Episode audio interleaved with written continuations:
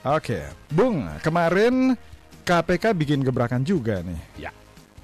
Menetapkan Menpora sebagai, Sebagai tersangka tersangka. kasus suap dana Hmm. hibah yang sudah lama Agak ya, lama itu lumayan ya? lama Ah. dan sudah yang lain-lain sudah Udah masuk vonis. persidangan, sudah ada yang vonis ya? sepertinya Pak Sudah ada yang- itu udah kan. Sudah ada yang vonis dan kali ini Pak Menpora yang terkena yang agak seru kemarin sebelumnya saya bertanya-tanya sampai sekarang kenapa yang mengumumkan Pak Marwata Hah. Pak Marwata ini termasuk jarang ikut mengumumkan tersangka. Marwata ini komisioner bidang apa, eh, Mbah? Pencegahan ya? Pencegahan. Pencegahan. Iya, biasanya kan yang muncul Laude, Saud, Saud, Ibu Ibu Basaria. Basaria. Hmm. Nah, kemarin Pak Marwata. Apakah karena yang lain sudah mengembalikan mandat, Oh iya. iya. tinggal Pak Marwata yang tidak, Oh iya. iya. sehingga Pak Marwata yang mengumumkan. Oke. Menpora. Baiklah, bagaimana di internal Kemenpora merespon penetapan status ini? Ya. Tadi malam ya terhadap Menpora Imam Nahrawi sudah bergabung bersama kami ada Kepala Bagian Hukum dan Humas dan Sistem Informasi Kemenpora. Ada Pak Yusuf Suparman. Pak Yusuf, selamat pagi. Selamat pagi Trijaya FM Ya. dan para pendengar di sekitar Indonesia. J. Ada Dodi dan juga ada mm, Bung Latu Siregar pagi ini. Pak Yusuf soal penetapan kasus Pak Menpora tadi malam sudah dengar?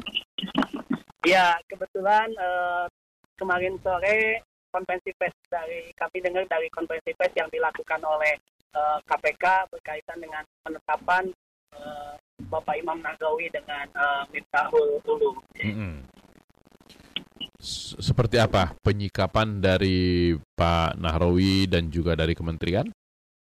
Eh, saya rasa Pak Menteri eh, tadi malam juga sudah memberikan statement yang pertama bahwa eh, beliau selaku warga negara yang baik tentu menghormati dan akan mengikuti seluruh proses hukum eh, yang sedang dilakukan oleh eh, Komisi Pemberantasan Korupsi. Mm-mm. Yang kedua, eh, beliau juga tentu meminta waktu akan eh, berkonsultasi kepada Bapak Presiden eh, berkaitan dengan eh, penetapan status. Dan yang ketiga, tentu karena kita menganut hak negara hukum, kita juga harus memperhatikan asas presumption of innocence. Jadi asas praduga tak bersalah sehingga eh, bagi seluruh eh, eh, publik tentu harus menghormati meskipun eh, sikap yang sudah di- diambil oleh KPK dan tentu sikap eh, dan pernyataan menghormati asas praduga tak bersalah yang wajib dikedepankan oleh siapa pun di dalam konstruksi negara hukum ini. Mm-mm. Udah ada Ah. rencana bertemu dengan Pak Presiden? Eh, sebetulnya semalam yang disampaikan oleh Pak Menteri, eh, beliau tentu akan melaporkan eh, perkembangan kepada Bapak Presiden, termasuk eh, langkah lebih lanjut dan nanti tentu dan juga akan pasti akan disampaikan kepada publik hasil konsultasi beliau dengan Bapak Presiden. Pak Miftahul Ulum yang menjadi tersangka bersama dengan Pak Menpora ini, ini staf resmi di Kemenpora atau staf pribadinya Pak Nahrawi?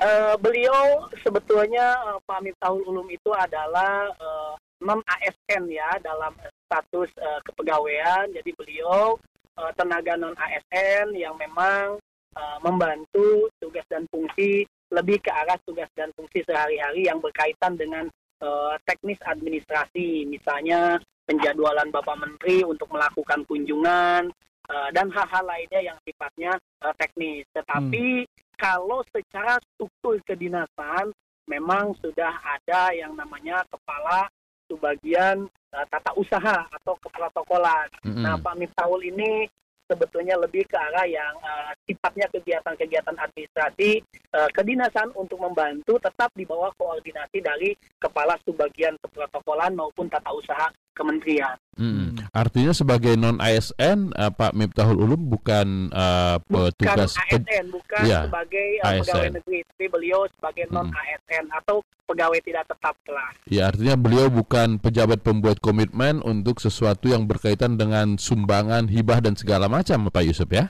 Bukan, kebetulan Mm-mm. pejabat pembuat komitmennya itu Bapak Adi dan kemarin sudah diputus eh, Mm-mm. lebih eh, dulu pada saat proses dana bantuan eh, ini. Hmm.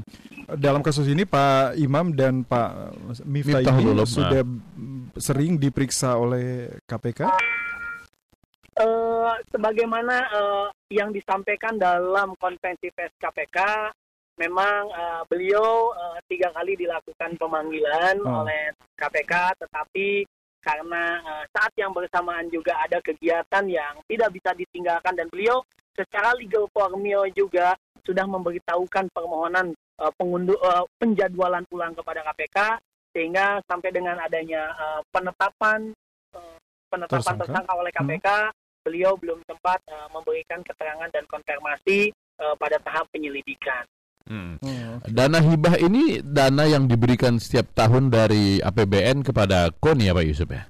Iya, jadi sebetulnya eh, kami perlu luruskan juga bahwa dalam pemaknaan legal formal eh, bukan hibah, tetapi nomenklaturnya adalah bantuan pemerintah. Mm-mm. Nah, bantuan pemerintah ini merupakan eh, dana yang diberikan oleh eh, Kementerian Pemuda dan Olahraga kepada organisasi olahraga salah satunya KONI Mm-mm. yang tunduk dan patuh sesuai dengan mekanisme yang diatur dalam ketentuan Peraturan Menteri Keuangan Nomor 173 Tahun 2016 tentang perubahan eh, Peraturan Menteri Keuangan 168 2015 tentang mekanisme bantuan pemerintah. Jadi eh, miniatur dan mekanismenya sama dengan proses yang dilakukan hibah.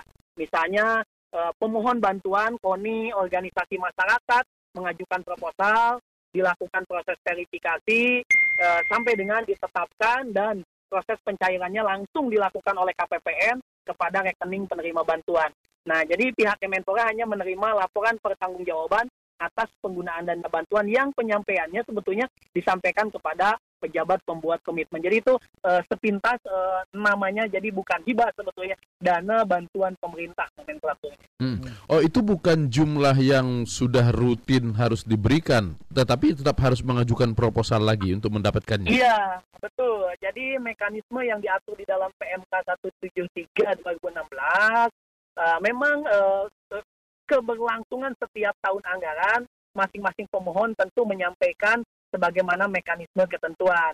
Nah, mengenai besarannya pun bervariasi sebagaimana alokasi yang sudah tersedia pada Kementerian Pemuda dan Olahraga. Jadi tidak misalnya tahun ini 20, tahun besok bisa Mm-mm. jadi 10 atau Iya, bisa iya, jadi iya, iya. besar sebagaimana sehingga inilah Heeh. eh, mekanisme bantuan pemerintah yang sifatnya tidak seperti halnya pengaturan hibah. Kalau hibah kan dibahas di tahun sebelumnya sehingga tahun jumlahnya sudah pasti sehingga tahun eh, berikutnya itu tinggal menyalurkan saja. Itu karakteristik yang dimiliki oleh hibah Mm-mm. sebagaimana diatur dalam peraturan pemerintah nomor 2 tahun 2012 tentang hibah kepada daerah. Hmm, Oke. Oh jadi kalau KONI itu dari eh, Kemenpora dana yang rutin diberikan di luar daripada bantuan tadi itu ada nggak?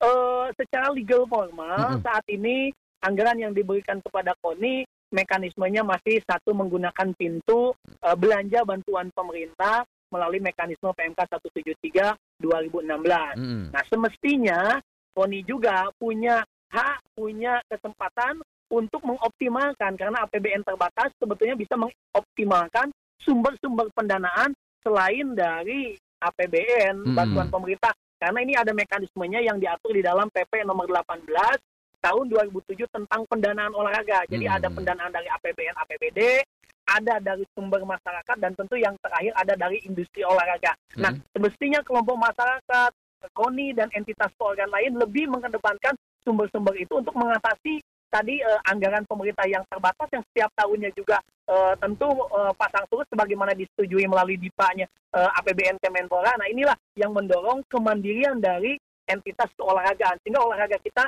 diharapkan bisa maju maju dan tanpa terlalu ketergantungan terhadap APBN dan APBD yang mekanismenya siapa pun sama harus tunduk pada ketentuan peraturan perundang-undangan. Ya. Tidak seperti mekanisme sponsor yang lain yang tentu jauh lebih fleksibel penggunaannya kan. Mm-mm. Oke, baik. Eh, Pak Yusuf, eh, biasanya ini biasanya kalau eh, seorang menteri udah jadi tersangka maka presiden akan menggantinya. Kesiapan organisasi Kemenpora untuk menghadapi eh, mengantisipasi si- situasi ini seperti apa?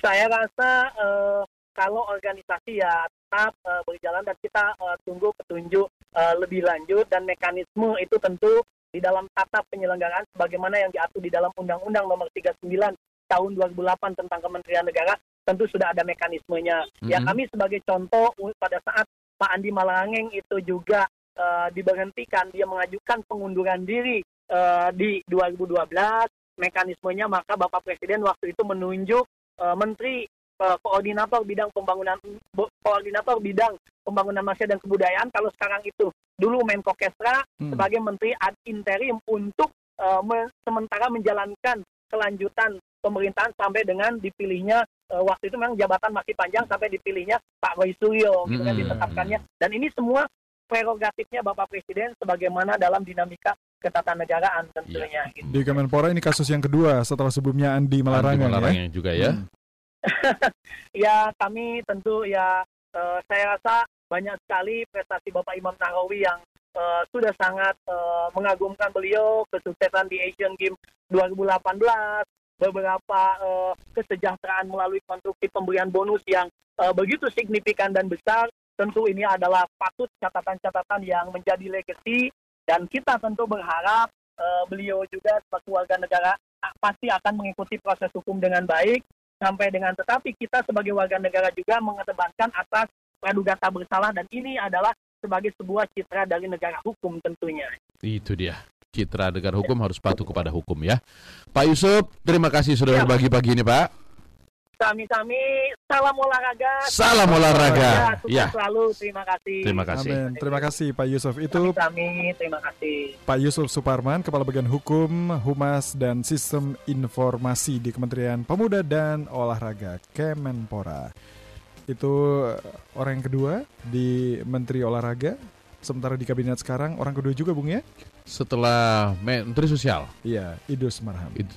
Sebelumnya reshuffle yang sebelumnya tidak terkait dengan status tersangka, tidak tidak bukan status hukum ya. Yap, oke.